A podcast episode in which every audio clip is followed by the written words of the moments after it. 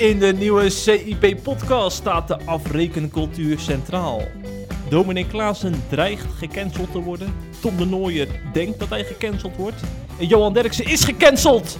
Welkom bij de CIP-podcast met de christelijke Johan Derksen. Patrick Simons. Wanneer wordt Dat ben jij, hè? Wanneer wordt, ja, dat, jij zegt het. Ja. Jij, jij zegt het. Wanneer word ik eigenlijk gecanceld dan? Ehm, nou, dat gaat natuurlijk wel komen als jij eh, deze podcast niet mijn mening eh, onderstreept. Ik onderstreep per definitie niet jouw mening. Oh, nou dan is bij deze de podcast Nee. afgelopen. Ja, tot ziens.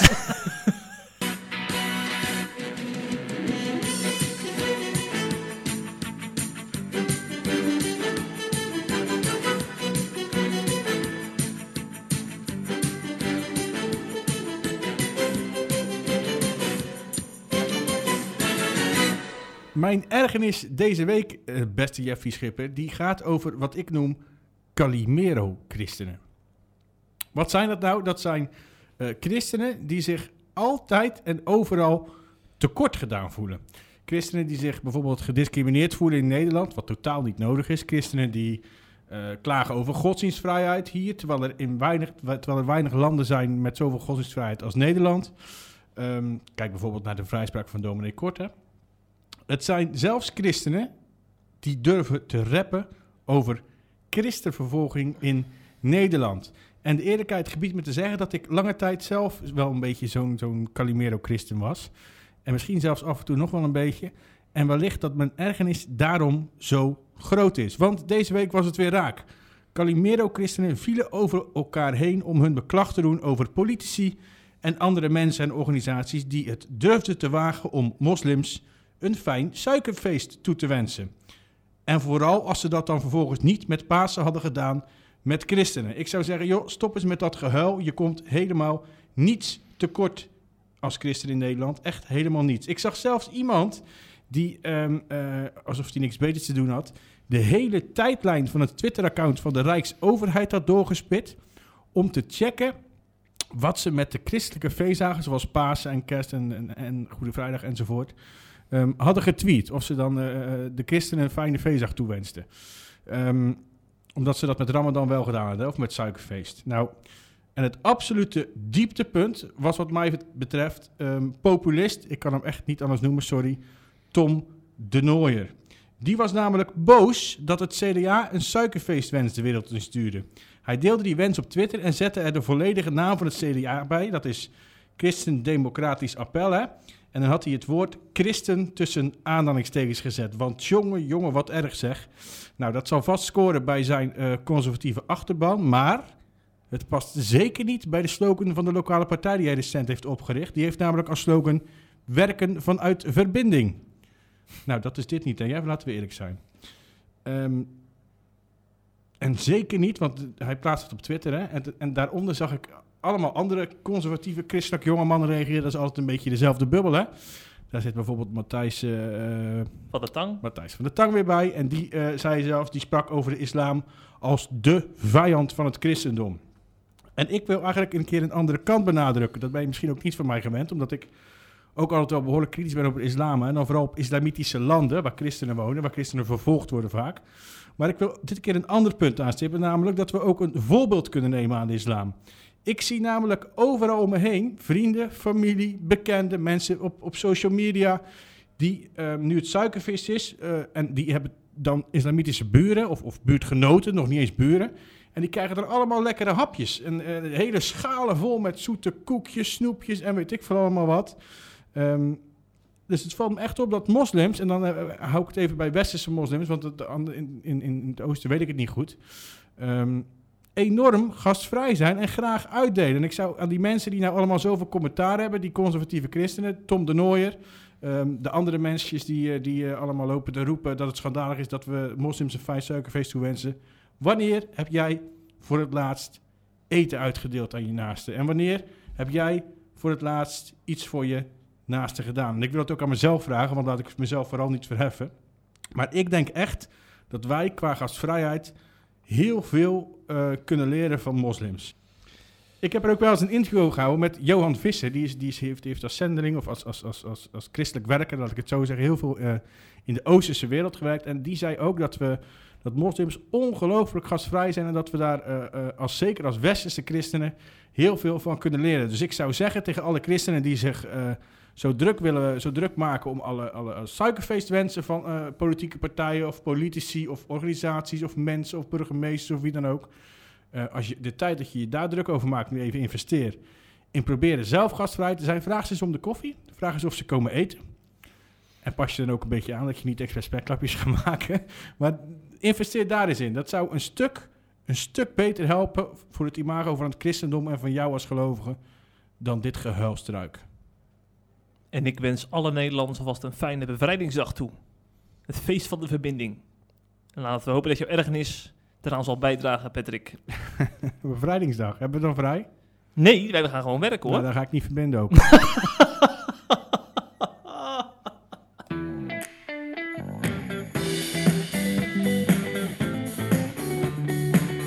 Het laatste nieuws uit christelijk Nederland bespreken we in de CIP-podcast.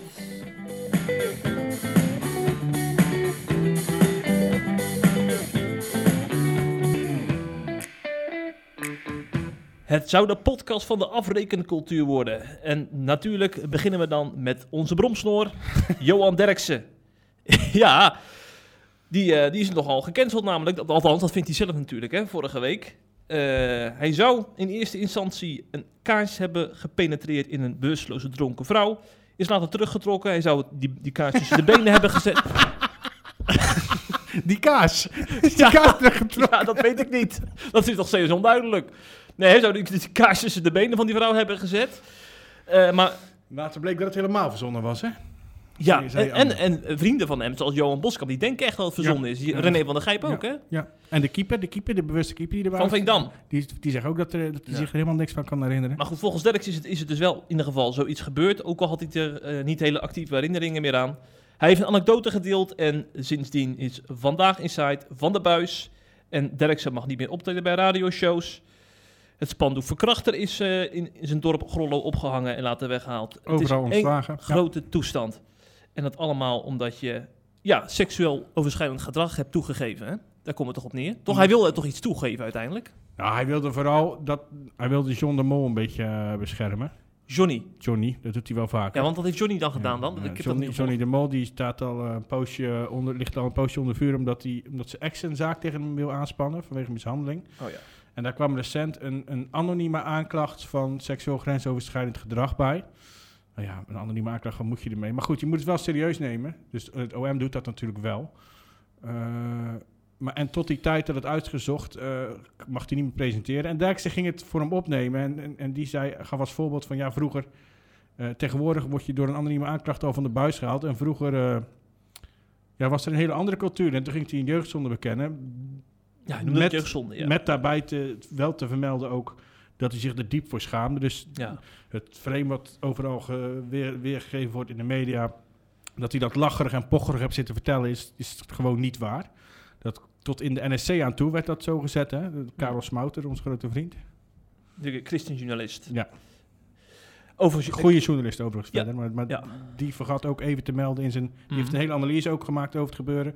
En ook hij vergat in dat stuk te melden dat Dirk Derksen zei... het verhaal uiteindelijk begon met ik schaam me diep. Ja, ja. Ja, want er is natuurlijk heel wat gereageerd, ook onder christenen, hè, eh, op Twitter, op die anekdote van Derksen. Kokkie Drost, bekende schrijfster en eh, ja, sekscoach noem ik haar altijd.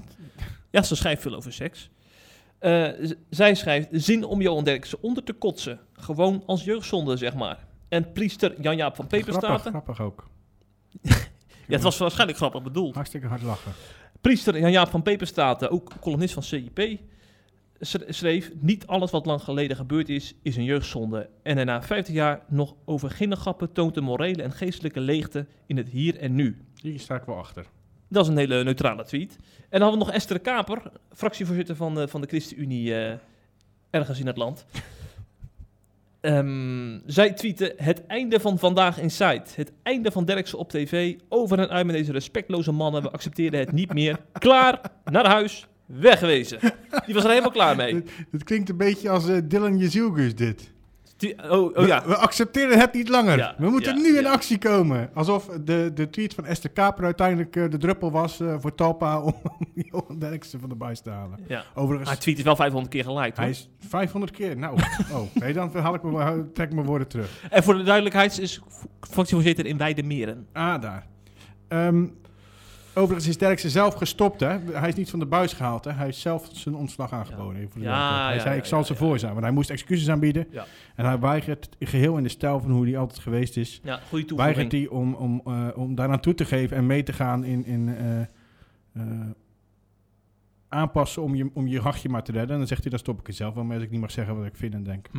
Maar begrijp jij de opwinding op Twitter van, de, van deze geliefde mede-christenen?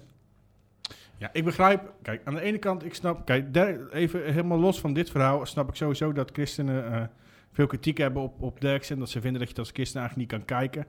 Er wordt behoorlijk veel gevloekt in het programma. Er wordt vaak, vaak, vaak over schuine grappen over seks gemaakt, enzovoort, enzovoort. Ik, vind, ik moet heel eerlijk zeggen dat ik het wel regelmatig gekeken. Dat Ja, ik het ik ook ook. grappig vind. Eh, maar ik snap de kritiek erop en dat mensen zeggen dat kan eigenlijk niet als christen. Ehm, en dan dit verhaal, ook dat snap ik. Ik snap de kritiek. Ik snap ook eh, wat hij vertelt, dat verhaal in eerste instantie wel echt om, om, om, om te laten zien van iedereen is fout. Dus ik loop hier niet moreel te doen, want ik heb zelf ook verschrikkelijke dingen gedaan. Alleen vervolgens ontstond er een soort sfeer. ehm, omdat de andere tafelgenoten, dus René van der Grijp en, en Steven Brunswijk, de, Mhm. de, de Brabo 9 was dat vroeger, maar dat mag je niet meer zeggen, geloof ik. Nee, Ehm, nu niet meer, maar nee, vroeger wel. Maar hij heette dus de Brabo 9. Mhm. De Brabo 9. Ja. Eh, en die, er ontstond een soort sfeer, omdat zij vonden het zo'n absurd verhaal. Ze geloofden er niks van. Dus zij gingen dan een beetje mee in van... eh ah, lachen man, die, die, die verzint maar een verhaaltje. En die, en gingen er grappen erover maken en grollen. Maar het werd allemaal natuurlijk heel serieus ehm, opgevat. Ehm, en ja, ik snap dan op zich nog wel... Ik, het is vooral heel dom van Derksen. Maar dat we dan vervolgens gaan doen... eh, alsof het de grootste seksuele misdadiger van Nederland is... Ehm, die, die nergens meer eh, op tv mag komen, die nergens meer op de radio mag komen. Dat is wat mij betreft gewoon toegeven aan de woke-gemeenschap. En ik denk ook wel heel erg dat het een kwestie is van rekening vereffenen. Want Dijks Ja. heeft natuurlijk in het verleden alles en iedereen tegen zich in het harnas gejaagd... door altijd te zeggen wat hij denkt. Ja. Iedereen belachelijk gemaakt. Ehm, echt van, van, van, van links tot rechts. Dus iedereen zag, heel veel mensen en media, oh, pas op, media ook... zagen nu hun kans schoon om Derksen terug te pakken. Ik denk dat het dat eh, ook echt grotendeels was. Maar het neemt niet weg dat het wat mij betreft heel dom was om het te doen. Om dit te gaan vertellen. Ik denk wat bezielt je om dit nu te gaan doen. Ik denk dat ik het zelf ook niet heel erg onderschat heb wat het, wat het voor gevolgen zou hebben. Maar het hele gevolg daarachter vind ik wel echt, echt zwaar overdreven. Wat ik overigens ook nog wel wil zeggen daarover. Ehm, eh, ik heb bijvoorbeeld Eva Jinek eh, in haar talkshow. Die heeft, ik geloof al drie of vier avonden gasten uitgenodigd. Ehm, waarin ze allemaal, die, eh, allemaal gasten die kwamen vertellen hoe verschrikkelijk het was. Hoe, hoe hard Derksen gecanceld worden. Ze heeft zelf, Eva Jinek, als presentatrice van het programma, ook heel opvallend trouwens, eh, opgeroepen tot een kijkersboycott en een adverteerdersboycott van het programma Vandaag in Site. En vervolgens kwam er een fragment naar boven uit ehm, eh, 2020, waarin voetballer Sjaak Polak eh, eh, te gast was bij Jinek. En die vertelde over een voetbalgrap die hij eh, had uitgehaald in zijn tijd bij Sparta. Hij had een boek geloof ik geschreven of, of, of iets in die richting. En, en Jinek was op de hoogte van die grap vooraf. Dus die vroeg specifiek van, ik wil dat je dit verhaal gaat vertellen. Ah. In- dat was een fragment, uit, er kwam een fragment uit 2020 naar boven. En toen zat voetballer, oud-profvoetballer Sjaak Polak aan tafel. En eh, Eva Jinek vroeg toen specifiek aan hem om een bepaald verhaal te vertellen. Zij kende dat verhaal al en ze wilde dat hij dat zelf vertelde. En het was een verhaal hoe hij een, tussen aanhalingstekens, grap had uitgehaald met een teamgenoot. Dat was eh, Anthony Obodai. Eh, en die hebben ze op de massagetafel vastgebonden, naakt. En vervolgens hebben ze eh, ehm, zijn anus bestreken met hele sterke spierbalsem. Jij kent die spierbalsem Ja. wel, die je vroeger als voetballer had, hè? Ja, ja. Nou, als je dat in je ogen of, of, of, of inderdaad in je anus of op je, je balzak Ja. krijgt, dat doet verschrikkelijk veel zeer. Ja. Eh, en ze hebben hem vastgebonden met tape op die tafel en dat helemaal in zijn eh, anus en zijn balzak Ja. gesmeerd. En hem vervolgens zelfs nog op het veld gezet, naakt. Ehm, en wat het bijzondere was, is dat Jinek dus, even Jinek dus vraagt aan die Sjaak om dat verhaal te gaan vertellen. En vervolgens schaadt het zit uit van het lachen. Alexander Pechtold, oud D66-leider, zat aan tafel. Schaterde het uit van het lachen. Gijs Rademaker, opiniepanelmaker 1 Vandaag. Ja, ja. Schaterde het uit van het lachen om dat verhaal.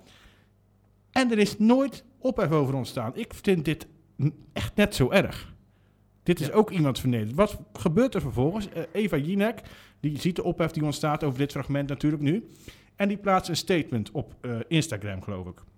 Daarin zegt ze, ja, maar dat was heel anders, want het waren vrienden van elkaar die met elkaar een grap uithaalden, bla bla bla bla bla. Dus ten eerste, ineens is context wel belangrijk. Bij Derks heeft nooit iemand zich druk, gemaakt om context. Ten tweede is het ineens belangrijk hoe het slachtoffer zelf denkt. Heeft ook bij Derksen nooit iemand zich druk om gemaakt. Hij werd direct gecanceld. Ehm, en zei Jinek ook nog, ik heb die man zelf opgebeld voor de zekerheid, die Obodai, om te vragen wat hij ervan vond. En toen had hij tegen haar gezegd, volgens Jinek in dat bericht, ehm, dat hij het een hele goede grap vond destijds, dat hij er smakelijk om heeft gelachen en dat dat nu eenmaal was hoe het ging eh, als vrienden onder elkaar en dat het zijn beste vrienden waren. Nu kwam ik een nieuwsbericht tegen van toen hij net vertrokken was van Sparta Rotterdam naar RKC Waalwijk. En wat schetst mijn verbazing, Daar nog geen vrienden zeker. toen zei hij, ik ben weggepest bij Sparta. Door onder meer Sjaak Polak. Nou, nou, nou. Dus of Jinek loopt hier te liegen, of Obadai heeft toen gelogen, eh, of hij liegt nu. Ja.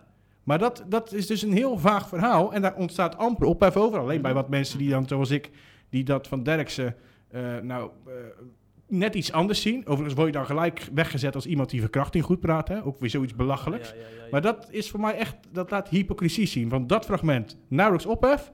En dan dit fragment. En dat is echt omdat het gewoon, omdat het Johan Derks is. Ineens geen ophef. Als een andere oud-voetballer zo'n verhaal had verteld, had er veel minder ophef geweest. Zeker weten. Mm, mm, mm. Ja, het is wel erg, ja. Weet je wat ik ontzettend ga missen aan eh, Veronica? Zij- Of tenminste, dat heet het nou. Vandaag is tijd heet het ja. nu, hè? Ja.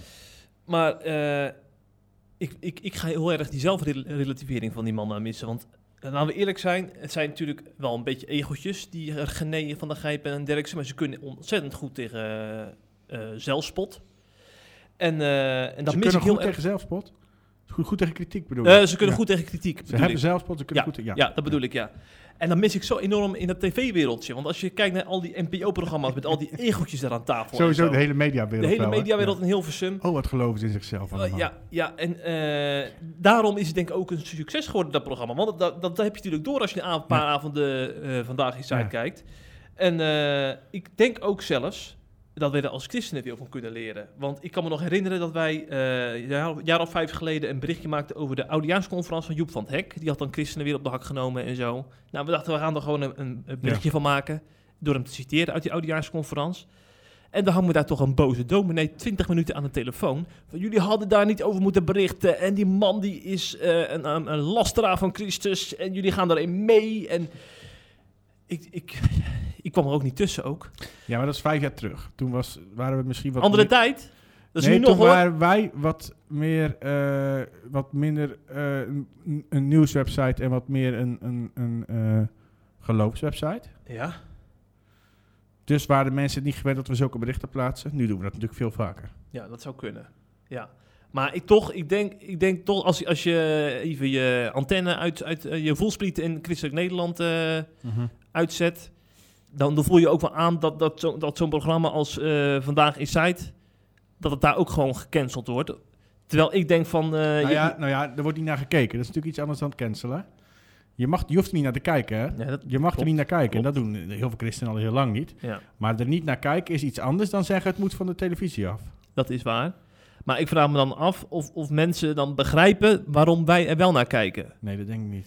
En dat vind ik jammer. Want ik, ik denk dan ook van... eh, ehm, probeer ook een beetje in, in te leven hoe, hoe belangrijk Ja. die achterban dit programma vindt. Want, want dit is gewoon ook... eh, hoe zeg je dat? Je, hebt, je, hebt, je begint je dag met een ontbijtje. Je gaat naar je werk. En je eindigt je dag met dit programma. Het is, het is onderdeel van ons leven. Ik, ik vind dat, dat, dat wel eens wordt onderschat. Ja. Dat vind ik jammer. Maar waarom is het dan belangrijk voor jou als christen? Ehm, als christen, ja, dat is natuurlijk wel een hele moeilijke vraag. Als mens is het gewoon belangrijk voor mij. Ja. Ik wil gewoon onderdeel zijn van het Ja. volk, het Nederlandse volk. En dan wil ik een programma kijken, wil ik bijgepraat worden door mensen die mijn taal spreken, die niet met dédain over andere eh, Ja. mensen heen kijken. En dan heb, dat Oh, gevoel goed. heb ik alleen bij deze drie. Ja, ja, dat ben ik het helemaal mee eens. En ik heb ook nog, nog wel iets anders. Wat, ik vind ook nog wel dat, we, dat er iets is wat we als christenen kunnen leren van ze. En dat is namelijk het totale lak hebben aan wat anderen vinden en zeggen van eh, jouw mening en van het punt wat jij wil maken. Dat heeft me in altijd enorm aangetrokken. Als Johan Derksen eh, een bepaald punt wil maken, dan interesseert het hem niet. Hij gelooft in zijn eigen punt, in zijn eigen mening. En dan maakt het hem niet uit dat hij daardoor gecanceld wordt, al wordt hij overal ontslagen. Al wordt hij van de buis gehaald, al krijgt hij heel veel kritiek. Al zijn er adverteerders die kritiek hebben, al, zijn er, al komen er dreigementen binnen. Dit is mijn mening en daar kom ik voor uit. En ik denk dat christenen daar eh, eh, enorm van kunnen leren. Zeker in een tijd waarin we nu leven, waarin eigenlijk alles wat je publiekelijk zegt ehm, ehm, langs de morele meetlat van de verontwaardiging wordt gelegd. Eh, en de woke-gemeenschap doet dat uiteraard. Eh, en ik heb daar persoonlijk echt wel van geleerd dat ik kan blijven zeggen wat ik vind. En kan blijven zeggen waar ik in geloof. En kan blijven zeggen waar ik voor sta. Ook al vindt driekwart van Nederland dat ouderwets, achterhaald, uit de vorige eeuw en geschift. Ik mag blijven zeggen waar ik in geloof. En dat gaat in eerste instantie in mijn geval over, over, over de liefde van God en over de grote levensvragen. Maar dat gaat ook in tweede instantie over belangrijke thema's voor mij, als abortus, als euthanasie. Ik mag ervoor blijven uitkomen dat ik abortus moord vind. Hoewel moord in bepaalde gevallen begrijpelijk is. Ik mag ervoor blijven uitkomen dat ik het leven zo waardevol vind. dat ik het niet goed vind dat mensen er een einde aan maken als ze zelf, al het maar een paar maanden, denken dat het, dat het voltooid is. Dat mag ik blijven zeggen. En dat heb ik wel van hun geleerd. Het interesseert me niet wat anderen daarvan denken, want dit, is mijn, eh, mijn, dit zijn mijn standpunten. Dit is mijn identiteit en dit is waar ik voor sta en dat blijf ik zeggen. Ik een mooie les, Pet. Ja, ja, toch? Absoluut. Laten we Derkse Gate afsluiten met de column van Arie de Rover. Ik zie net op cip.nl dat die ook op nummer 1 staat. Er wordt best gelezen van de dag. Ah, je wil weer even een complimentje? Man, man, nee, man, voor Arie man. Rover, niet voor mezelf. De kop is de digitale steniging van Johan Derksen. Begrijpelijk of genadeloos?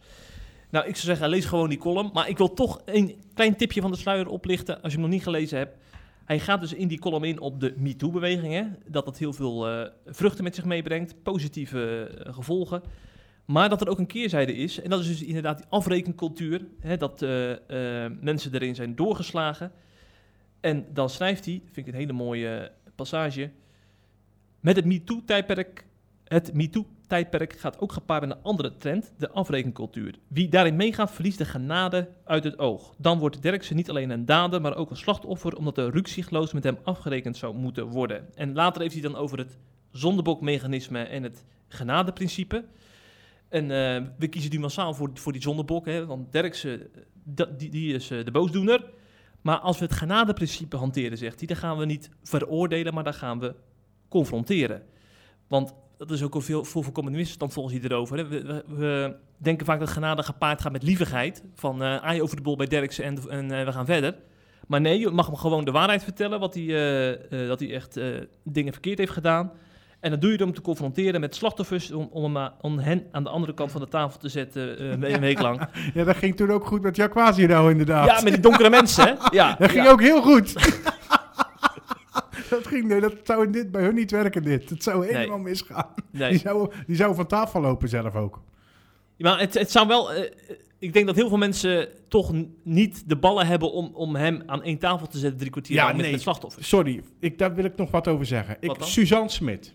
Wat dan? Dat is een DK, dat is een, Ja, een advocaat. een aut- nee, auteur. Oh, Ehm, die eh, was een van de eerste die, die, die, die keihard uithaalde naar Derksen. Mag hè, trouwens, mag. ja, ja, ja. Zij werd vervolgens de volgende dag in, bij Insight uitgenodigd om het gesprek aan te gaan. Dat deed ze niet, dat heeft ze geweigerd. En dan zit ze vervolgens diezelfde avond zit ze wel bij een andere talkshow Oh, oh, oh, om Derksen oh, oh. volledig af te gaan branden. Dan ben je voor mij echt een heel naar mens. Echt een heel naar mens. Ik heb trouwens zelf, daar zat ook ehm, een collega-schrijfster van haar, Helene van Rooij, aan tafel. Mhm. Die deed en beter. die, die ging Derksen juist verdedigen. Hmm. Die vond het ook heel jammer dat programma van. Maar ik vind het echt heel naar dat je dan kritiek hebt. Dat je dan te laf bent om op te komen dagen. Maar dan wel in een ander programma. eh, eh, eh, de, moreel, de, de, de moreelridder gaan lopen spelen, weet je wel. Dat echt bah. Ja. Maar goed, ik verpest uh, Arie erover zijn stuk. Ik zou zeggen, lees gewoon zijn stuk ja, en geniet ervan. Dat Die- is een die- schitterende column. sowieso die, die, die hele rubriek van Arie erover, die vind ik een interessante rubriek. Ja. Over genade gaat het ook. Het nieuws door de, bril van genade. Ja, Hij heeft ook fantastisch. een hele mooie boek over genade geschreven. Fantastisch. Ja, Wel C+, geloof ik. ja uiteraard. Dus wel even een abonnementje. Zeker. Goed dat je dat nog even zegt, Ja, eh, natuurlijk. We moeten wel uit eten kunnen blijven gaan, Ja. Jeff. Ja, ja, ja. En eh, over C gesproken. Dat nieuws over Klaassen kunnen zeker ook alleen lezen als we lid zijn, of niet? Ja, ja, ja. Want dat was ook nogal een nieuwtje. hè. Afgelopen zondag eh kondigde dominee Klaassen, dok- dokter Klaassen, ehm, bijzonder nieuws af vanaf de kansel van zijn hervormde gemeente in Arnhemuiden. Hij gaat namelijk stoppen als gemeentepredikant. De hervormde gemeente is een onderdeel van de protestantse kerk in Nederland, even voor de duidelijkheid. Ehm, en vanaf 1 september gaat hij aan de slag bij Stichting Bijbels Beraad. Ehm, hij lichtte dat vanaf de preekstoel verder toe. En daarbij zei hij onder meer wel dat hij eh, de kerk trouw blijft en ook blijft spreken. En dat zei hij ehm, op de volgende manier. Dan hoop ik van harte de verbinding met de kerk en de verkondiging van het woord naast het werk voor Bijbels beraad vast te houden. Ik heb vrede gekregen met deze beslissing. Al realiseer ik me dat de impact op mij, ons gezin en u als gemeente groot is. Wij moeten afscheid nemen van een geliefde gemeente die we bijna zeven jaar hebben mogen dienen, waar veel banden zijn, waar onze kinderen hun plekje hebben gevonden en hun vrienden hebben. We zullen op zoek moeten naar een nieuwe woonplaats, een woning, een kerkelijke gemeente en scholen voor onze kinderen. Nou, uit dit citaat, Jeff, die kan je niet helemaal... Hij noemt niet de naam van de PKN, hè. Hij zegt, ik, ik, ik, ik, hou, ik hou de verbinding van de kerk. Ik hou verbinding met de kerk. Maar ik ga er eigenlijk wel vanuit dat dat dan de PKN is. Ehm, maar dat benoemt hij dus niet zo. Maar ik ga er eigenlijk wel vanuit. Nou, hij gaat dus aan de slag bij Stichting Bijbels Beraad. Ehm, dat is een stichting die toerusting aan kerk en christenen verzorgt... op het gebied van huwelijk, gezin, seksualiteit... en de thematiek van de Minha-gemeenschap. Ehm, en Klaas is een paar weken terug is die gevraagd door die, eh, eh, door die eh, stichting. Dat is van Laurens van der Tang, hè, ons ook niet Ja, ja. onbekend. En hij heeft daar een poosje over nagedacht en besloten om het te gaan doen. Hij is natuurlijk uitermate geschikt om toerusting te geven op dit gebied. Want daar weet hij gewoon heel veel vanaf. Heeft hij ook al heel veel lezingen over gegeven, over geschreven. Ehm, overigens opvallend, hij was al eerder gevraagd door Bijbelsberaad. Maar dat was in 2020. En destijds heeft hij het niet gedaan omdat het een, eh, een deeltijdfunctie betrof. En vanaf de kansel vertelde hij van harte achter eh, de missie van de stichting te staan. Hij legde ook uit dat het eh, doktersambt, ehm, hij is dokter hè, Mhm. eh, dat dat van oudsher eigenlijk al gepaard gaat, is verbonden met onderwijs en toerusting. Dus dat, dat komt dan in die, in die nieuwe functie natuurlijk ook heel goed van pas. Ehm, en als aanvullende reden noemde hij zijn gezondheidstoestand. Ik wist niet, ik weet niet of jij daarvan op de hoogte was. Ja, ja, hij heeft burn-out klachten gehad. Ja, hij kampt eigenlijk al langere tijd met, met, een, met een laag energieniveau, laten we het zo noemen. Waardoor, hij, eh, waardoor het gemeentewerk hem zwaar valt en hij eigenlijk veel minder kan doen dan hij eh, eh, zou willen. Ehm, en hij zei erover, meerdere keren heb ik om die reden aan de heren gevraagd of het mogelijk was of hij andere werk voor me had. Niet omdat ik het gemeentewerk niet wil, want dat doe ik met liefde. Maar omdat het mij zwaar valt om zo te functioneren. Dus eigenlijk is de baan iets te zwaar voor hem. Door wat hij heeft. En dat, dat levert natuurlijk ook weer gelijk heel veel stress op. Ehm, nou, dit was voor hem de, de, de ultieme weg van God, laat ik het zo noemen. Dat God wil dat hij eh, dat gaat doen. Overigens zijn nog hij, want hij heeft het natuurlijk van de preekstoel heeft iets verteld. Ehm, zijn eigen kerk, eh, de hervormde kerk in Arnhemuiden, heeft een bericht op de website geplaatst. En Stichting Bijbels Beraad heeft ook een persbericht gestuurd. En geen van drie ehm, hebben ze, repten ze met geen woord over de recente ophef die natuurlijk ontstond. Ehm, toen dominee Klaassen binnen de PKN de zwaarst mogelijke vorm van bezwaar indiende over hoe de kerk omgaat met seksualiteit. Dat bezwaar werd niet in behandeling genomen, waarop eh, Klaassen zei eh, zich te gaan beraden op zijn positie binnen de PKN. En volgens mij zei hij ook tegen jou, jij hebt hem toen destijds ook gesproken daarover, hè? Mhm, en dan zei hij, er kan een moment komen dat de rek eruit is. Ja. Dus dan ben ik eigenlijk benieuwd naar jouw inschatting. Is dit nou echt, eh, omdat ze, ze rappen nu met geen woord over die, die situatie die echt nog maar net gebeurd is, hè? Ehm, maar zou dat meespelen? Zou, is de rek eruit? Nee, ik denk het niet. Want als de rekker echt uit was, zou hij ook zijn lidmaatschap van de PKN opzeggen en hersteld hervormd worden. En dat heeft hij volgens mij bewust niet gedaan. Hij schuift wel naar de achtergrond natuurlijk. Ja, ja, ja, maar ik denk dat het meer met die vermoeidheid te maken heeft, wat jij net zei, dan, eh, dan echt met zijn princi- principiële standpunt. Hoor. dus het is toeval dat het er net achteraan komt. Het, het is gewoon een mooie eh, samenloop van omstandigheden Ja. in dit geval, ja. Het Ja, komt natuurlijk wel goed uit in dit geval. ja.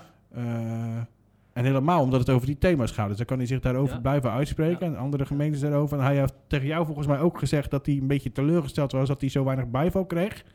Ja, hij voelt zich een beetje eh, alleen staan in de PKN. Ja. Want de andere, andere dominees eh, gewoon stil blijven. En Ja, hij terwijl- krijgt ge- gedoe over zich heen. Terwijl hij weet dat die andere Ja, dominees hetzelfde denken staat als er hij. helemaal achter. Want Dus wat gaat hij nu doen vanuit Bijbels Beraad? Dan gaat hij die dominees natuurlijk, nou, ik wou bijna zeggen pushen, maar eh, adviseren om Ja. zich ook uit te spreken. ja, want Bijbels Dus gaat dit voor meer onrust zorgen? Dat zou kunnen, want de Bijbelsberaad organiseert natuurlijk themadagen en Ja. zo. Dus hij kan, denk ik, wat meer predikanten mobiliseren. Ja, En een grotere achterban eh, creëren voor, voor zijn standpunten. ja. Denk ik wel. En, ik- Ja. en ik denk ook wel dat het goed is, hè. Want eh, sommige broeders hebben ook gewoon eh, van deze kartrekkers nodig om een beetje Ja. van zich af te praten. Ja.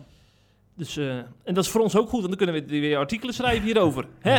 Overigens ben ik heel blij dat hij ook blijft spreken. Want door zijn meningen over allerhande onderwerpen, waar ik het lang niet altijd mee eens ben, wordt dat wel eens vergeten. Maar het is een fantastische prediker. Ja, ik heb er pas nog geen gehoord over het Echt? huwelijk, ja. Ik, eh, ik afgelopen, afgelopen zondag nog. Hm. Maar het is echt een hele goede prediker die, als hij, want vroeger deed hij ook die, die mening over dit soort onderwerpen vaak, of over hoedjes of dergelijke dingen, ging hij dan vanaf, de preekstoel vertellen. Mhm. Of hoe hij over opwekking dacht, daar is hij ook niet zo Oh, fan ja, van. Oh ja. Dat doet hij nu steeds minder, heb ik Ja. het idee. Of Meer over vaccineren heeft hij in het begin ook nog wel eens wat Ja. gezegd. Nu, nu laat hij dat, is hij wat voorzichtiger mee geworden, vind ik fijn. Want ik vind, je mag als predikant wel vinden wat je wil. Maar ehm, als het niet gaat over hele duidelijke dingen, dus zoiets als opwekking of een hoekje en dingen. Anticonceptie is ook heel druk geweest. Anticonceptie. Zeg dat niet op de preekstoel, denk Ja, ik. ja. Vooral niet in zijn geval. want Hij kan fantastisch spreken als hij gewoon bij zijn tekst en bij de, de context houdt. Mhm, mhm. Dus daar geniet ik heel erg van. Dus daar ben ik, wil ik nog even zeggen, ja, daar ben ik echt heel blij mee dat hij gewoon blijft spreken. Want Heel bij het Bijbels Braad zou je mij niet zien. Nee? Nee. Mm, mm, mm. nee. Te conservatief? Daar ben ik te progressief voor, Jeffrey. Ja, ja. Wie had nog- dat gedacht? Dat ik dit nog ooit zou gaan zeggen. Nou, nou, vijf jaar geleden was dit echt Ja. onmogelijk geweest. Maar goed. Ja, ik ben aan het opschuiven, jongen. Ja, ja. De glijdende schaal. Als je maar blijft opkomen voor vervolgde christenen. Dat Ja. verandert bij jou nooit, hè? mag ik hopen. Nee, dat verandert niet, nee. Want ook jouw eh, zal zal aan het hart gaan wat er momenteel in Nigeria Jongen. plaatsvindt. Hè? Nou, Mijn oog viel deze week op een nieuwsbrief van een christelijke mensenrechtenorganisatie, Patrick. Ik weet niet of je het helemaal Ja. goed uitspreekt, maar volgens mij is het Jubilee Campaign. ja. En eh, eh, zij berichten ook regelmatig over de situatie in Nigeria. Ehm, eh, en ja, dat is gewoon echt schokkend wat je leest, al die persoonlijke verhalen. Eigenlijk is het te schokkend, vind ik wel eens, om op CIP ook te vermelden. Maar wij doen het gelukkig ook, ook om mensen wakker te schudden wat er allemaal gaande vindt. Wat het allemaal plaatsvindt. Hun oog viel op regelmatig op eh, gruwelijke foto's van vermoorde mannen, vrouwen en kinderen. Verbrande huizen. Nou, je hebt de berichten afgelopen vrijdag op CIP gezet, hè, in de noordelijke staat Kaduna. Waar afgelopen maand eh, zeker 50 mensen om het leven gekomen, eh, ruim 100 mensen ontvoerd. Je schreef ook over af- afgebrande huizen. Ja. Het is echt verschrikkelijk bij de beesten af wat ik allemaal lees. En als je dan zeg maar de cijfers gaat bekijken over het laatste, laatste periode, het eerste kwartaal van dit jaar, Mhm. zijn er dus gewoon al 1500 mensen minstens vermoord door eh, moslimterroristen in Nigeria. En eh, als je het hele vorige jaar erbij neemt, dan heb je dus over 5000 christenen bijna die om het leven zijn gekomen. En in die ranglijst christenvervolging zijn ze dus eerder dit jaar, eh, we hebben het allemaal kunnen lezen, gestegen van plek 7, van plek 9 naar plek 7.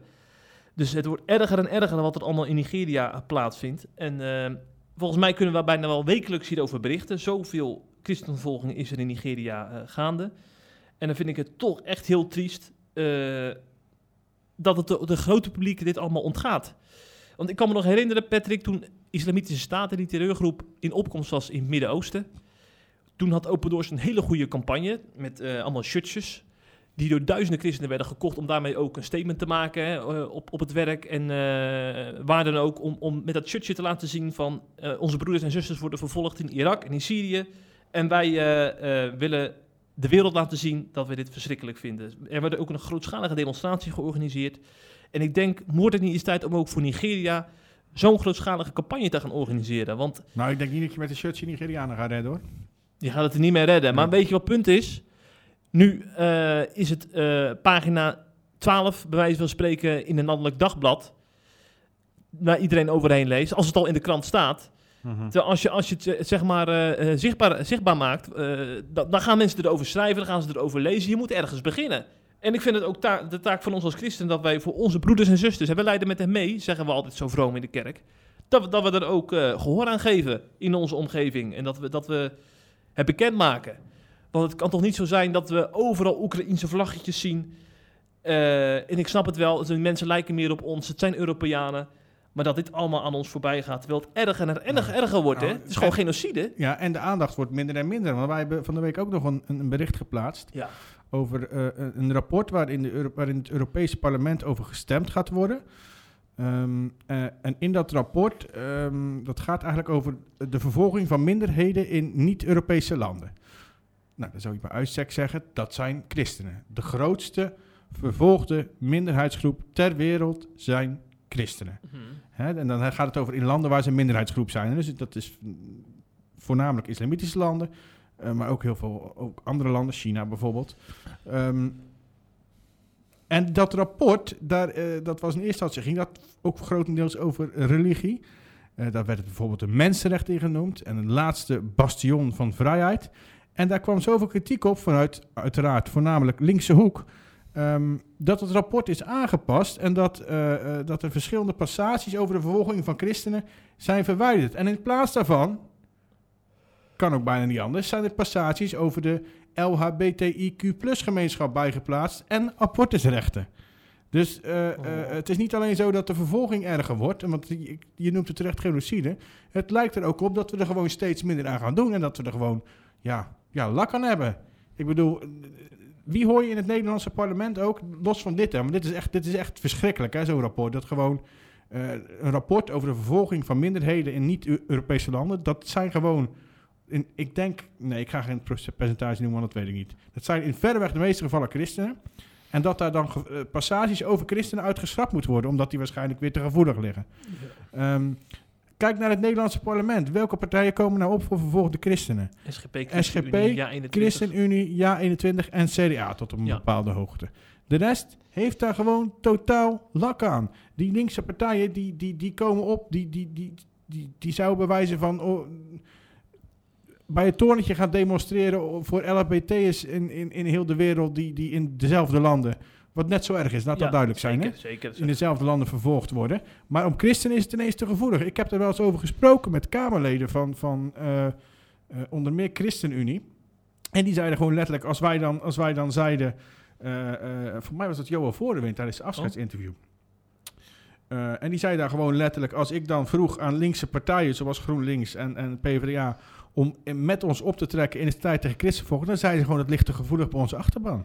Nou ja. Dus die willen dat dan gewoon. Die laten ze gewoon letterlijk in hun sop gaan koken. Oh, oh, oh, oh, oh. Dus ja, eh, zolang, dat, zolang dat draagvlak er niet is, dan is er bijna niks aan te doen. Het enige wat wij kunnen doen, is erover blijven schrijven. Ja.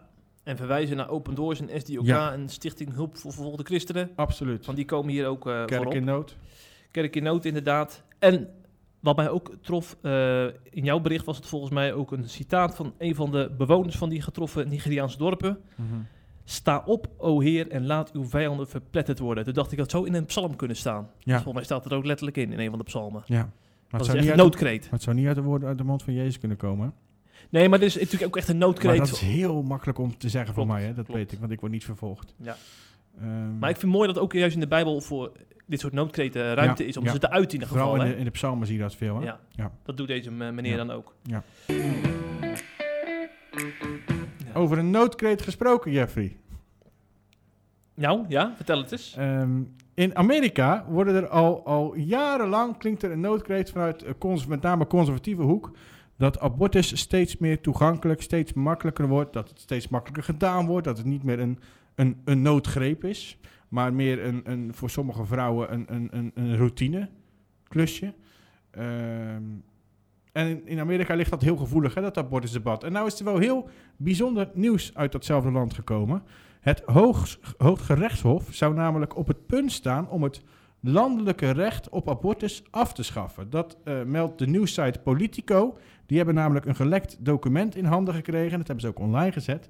Wat was namelijk het geval? Op dit moment is, is ehm, de abortuswetgeving in, in, in Nederland, in, in de Verenigde Staten, is landelijk geregeld. Dat, dat is eigenlijk gebaseerd op twee eh, rechterlijke uitspraken van vroeger. Ehm, de ene is een, een, een Roe v. Wade uitspraak. Dat was in 1973. Uh, dat is een hele belangrijke uitspraak waar, waarmee eigenlijk abortus in het hele land legaal werd. Omdat het, het, het, Hof toen tot de conclusie kwam dat de meeste wetten waarin abortus wordt verboden um, niet grondwettelijk zijn. Dus eigenlijk moet, zeiden ze die wetten moeten verdwijnen. Um, in een latere rechtszaak in 1992, dus bijna 20 jaar later, werd die uitspraak eigenlijk nog eens een keer bevestigd in, in de zaak uh, Planned Parenthood vs. Casey. Um, dat zijn eigenlijk twee belangrijke uitspraken waar heel veel uh, zaken die nu dienen in Amerika altijd weer bij terugkomen als, als een soort jurisprudentie. Hè? Want van, kijk, dat hebben we toen uitgesproken en daar baseren we ons op. Wat we nou het geval, per staat verschillen de wetten vaak hè, in Amerika. En dat geldt voor, ook voor abortus. Alleen um, als een staat dan bijvoorbeeld uh, de abortusgrens wil verlagen, dus abortuswetgeving wil aanscherpen of zelfs helemaal wil verbieden dan kunnen abortusklinieken of, of andere mensen uit de pro-choice beweging, die kunnen dan een, rechtszaak aanspannen. En dan komen ze toch vaak bij dit landelijke, uh, bij deze landelijke basis terecht, zeg maar. En die is dus op basis van die twee eerdere uitspraken die ik net noemde. En dan verliest de staat het wel vaak. Nou, de staat Mississippi was dat beu. Die hebben namelijk, die willen al jaren, zijn ze bezig met de abortusgrens verlagen naar 15 weken. Die hebben ook weer een aantal rechtszaken verloren. Hun zaak komt nu bij het Hoge Rechtshof. En die hebben eigenlijk gezegd: wij willen dat die twee eerdere vonnissen vernietigd worden. Um, dat zou betekenen dat het landelijke recht, het landelijke recht op abortus in Amerika vervalt, als dat gebeurt. Hè? Um, en, en, en, in de praktijk houdt dat in dat de staten voortaan zelf hun abortuswetgeving kunnen uh, bepalen. Um, dus dan gaat het, is natuurlijk wel democratisch nog steeds, hè, want daar zitten natuurlijk democratisch gekozen mensen. En dat zou echt een gigantisch gevolg hebben voor, voor het hele land. Omdat nou, de helft of meer staten in Amerika eigenlijk anti-abortus is. Dus het zou kunnen betekenen dat de helft van het land straks geen abortus toestaat of een veel strengere hand, uh, wet hanteert. Dus bijvoorbeeld een veel lagere grens voor abortus of bijvoorbeeld alleen met verkrachting of alleen wanneer het gevaar van de moeder. Dat zijn natuurlijk heel veel variaties in. En dat zou per jaar echt duizenden, duizenden, duizenden kinderlevens schelen. Um, en nu heeft dus, uh, dus de Mississippi, die staat Mississippi, heeft aan het Hooggerechtshof gevraagd. Wij willen dat die uitspraak vernietigd wordt. Hooggerechtshof kan dat, hè? die kan dat vernietigen. Als de meerderheid van die rechters, het zijn totaal negen rechters, mm. zegt we gaan die uitspraken vernietigen, dan vervalt dat uh, hele systeem en dan van die landelijke, wat, dat ze er ook naar terug kunnen grijpen, zeg mm-hmm. maar. En dan gaat voortaan elke staat het weer zelf beslissen, zoals het vroeger ook was. Um, en nu is er dus een document gelekt en in dat document staat dus... Um, dat de meerderheid van de rechters van het Hooggerechtshof, namelijk in totaal vijf, uh, een voorstander is van het vernietigen van die zo belangrijke Roe vs. Wade uitspraak. Het is toch met Trump te maken ook? Die heeft toch ervoor gezorgd dat de die meerderheid... Heeft, die heeft ervoor gezorgd, want die vijf rechters die ik ja. nu zeg, die meerderheid, dat zijn allemaal door de Republikeins aangestelde rechters. En Trump heeft uh, op het allerlaatste moment, vlak voordat hij uh, af moest treden, of af, voordat zijn, ambt, zijn ambtstermijn voorbij was, uh, heeft hij nog, toen overleed er een rechter, en heeft hij nog snel een nieuwe rechter aangesteld. Um, een conservatieve republikeinse rechter. Waardoor uh, ze met vijf uh, rechters in de meerderheid bleven. Uh, en de meerderheid is dus nu inderdaad voor het vernietigen van, ik zeg elke roe van JSW, maar ik weet niet of je, of je het uitspreekt als roe. Ik ben net als jij heel slecht in Engels. Um, en ik citeer wat er in, in, in, in, het, in het uitgelekte document staat. Roe was vanaf het begin af aan afschuwelijk verkeerd, schrijft een van de rechters. Het is tijd om de grondwet in acht te nemen en de abortuskwestie terug te geven aan de volksvertegenwoordigers. Dat betekent dus aan de staat zelf elke keer. Hè? En vier andere rechters die, die beamen dat. En daarmee hebben ze dus een meerderheid. En lijkt er dus inderdaad op dat dat uh, gaat veranderen. Um, maar goed, de definitieve uitspraak wordt binnen enkele maanden verwacht. Dus laten we dat eerst afwachten. Want nu komt er natuurlijk een totale lobbyopgang in Amerika. Nu gaan ze ja. met duizenden de straat op uh, om hun recht op te eisen om kinderen of om leven af te breken in de baarmoeder. Ik wou het iets scherper zeggen, maar laat ik dat een keer niet doen. Je zou maar een CIP in Amerika hebben, dan ben je druk nu. Ja, Christian Today of zo. Ja, zoiets, ja. Zullen we dat niet kopen? Christian Post? Kunnen we dat niet kopen? Oké, okay, nou, de discussie is natuurlijk ook naar Nederland gelekt. Dat kan ook niet anders. Um, zo heeft Gert-Jan Segers, de leider van de ChristenUnie, al gereageerd op Twitter. Hij uh, deelde het nieuwsbericht en schreef daarbij twee grote dilemma's. Is abortuswet 1, is abortuswetgeving aan de federale rechter?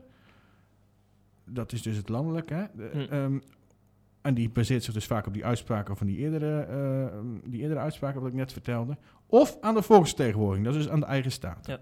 Twee, mag je het leven van een ongeboren baby beëindigen en wanneer? De rechter in de VS moet nog beslissen, maar politici hier hebben hun oordeel al klaar. En daarmee doelt hij uiteraard op allerlei linkse politici die vanuit Nederland precies weten hoe Amerika het zou moeten doen. Ik heb overigens ook heel hard gelachen om Tim Hofman, die het weer eens niet kon laten om zijn, Oh. zijn eh, anti-christelijke eh, eh, instelling tentoon te spreiden. Die deelde het bericht namelijk ook.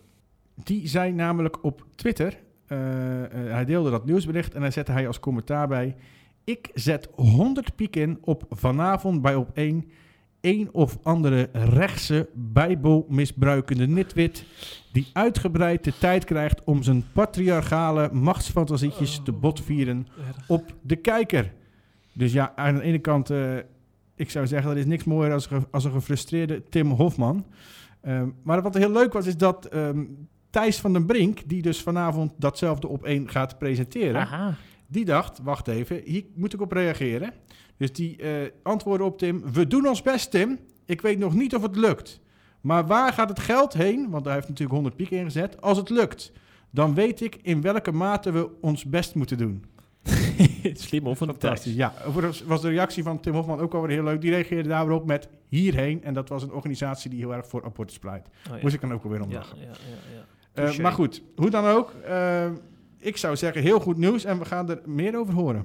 Ja, ja, sowieso. Waar we ook nog meer over gaan horen is waar de Online Radio Award binnenkort Nee, dit naartoe ga je gaat. toch niet doen? Ja, Nee, ja, dit- ja. Dit is, nou, nou ga je ook wel in jezelf geloven.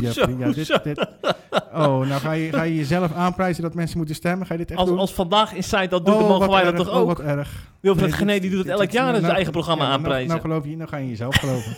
ja, dit is het einde van onze authenticiteit. Ja. Vanaf nu ga jij in jezelf geloven. Ga je mensen vragen om te stemmen op dat jij goed bent. Ga naar onlineradioawards.nl en zoek dan de afdeling podcast op en ga naar de CIP podcast. Dan kun je je stem uitbrengen. En er is ook nog een afdeling presentatoren en daar staat Jeffrey Schipper bij. Daar kun je ook nog op stemmen. Ik zeg, doen!